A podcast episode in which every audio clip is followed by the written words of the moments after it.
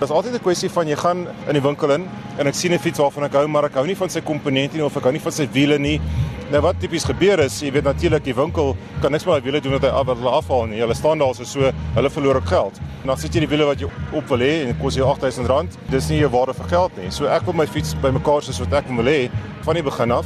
Ek wil nie geld verloor deur dit te doen nie. En ek weet daai fiets wat ek al buite weet, is 'n bietjie ook maar bragging right van daai fiets wat ek ry. Was dit een van hulle wat so mekaar gesit is.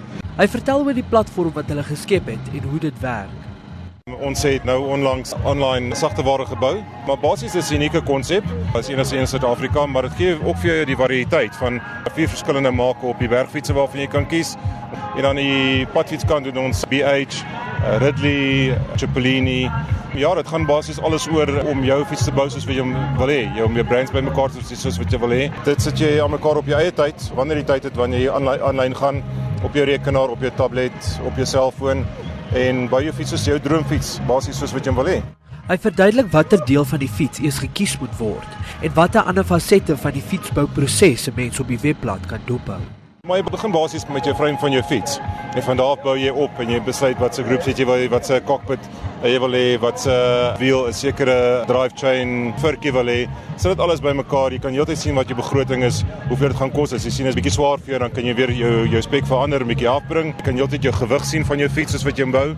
En ja, jy kan jy kan rondspeel op op die online site soos veel wat jy wil. Nie alle dele word plaaslik vervaardig nie. Hy vertel hoe hulle hierdie dele beskikbaar maak en waarvan dit gemaak is. Dis vir dit kom vir verskeie verskaffers af en ja, waarvan hulle gemaak is, dis 'n verskil. Dit hang af waar, waarvoor jy wil gaan. Jou koolstofveelselglas is natuurlik duurder maar dis jou ligter komponent. Dan doen ons weet party is koolstofveelselglas, party is aluminium en ons doen staalrame ook. So dit dit hang alles hang af van wat wat dit is wat jy wil jou spesifikasie van wat jy wil bou. So Engelsman sal sê horses for courses. Jou ligter fiets is natuurlik vinniger, maar is makliker om te trap op jou klimme en daai tipe van dinge. Op jou komponente natuurlik, as jy kyk na jou kassette, jou kettinge en so aan, hy's ligter, hy's heelwat duurder, maar hy gaan jou nie so lank hou nie.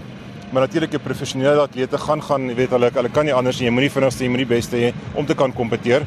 So jy gaan maar gaan met jou met jou ligter en duurder komponente, maar en dis die lekker ding hiervan is weet as jy weekend warrior is en jy wil nie verskriklik baie geld spandeer nie, jy weet ietsie wat gaan lank hou, dan gaan jy gaan met 'n bietjie goedkoper komponent, bietjie swaarder, jy gaan miskien 150 200 gram werk gee op komponent, maar dan gaan jy baie langer hou. En vir jou op 'n uh, om weet 'n maraton te gaan ry of 'n halfmaraton, jy het nie noodwendig of jy 5 minute later inkom jy fiets so die swaarder is, maak nie vir saak nie, maar jy kan binne die begroting werk. Laastens verduidelik hy watter fiets gewild is en hoekom. Die grootste groeiende mark op hierdie stadium is die bergfietsse, definitief. En dit gaan maar meestal oor veiligheid. Ja, jy weet jy ry nie op die paaie en jy ry in in in uh, in jou parke en so aan.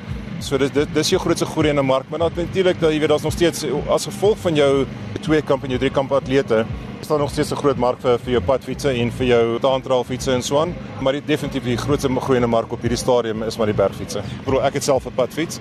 Ek ry hom wanneer ek nie my meer intense ritte wil doen nie, maar natuurlik as jy van die pad af gaan en jy is in bike box en so aan, dan dis dis hard. So as jy net jou gewone training rides dit wil doen, jou oefenritte, dan is jou padfiets altyd baie gewild, maar natuurlik jy saam met karre op die pad.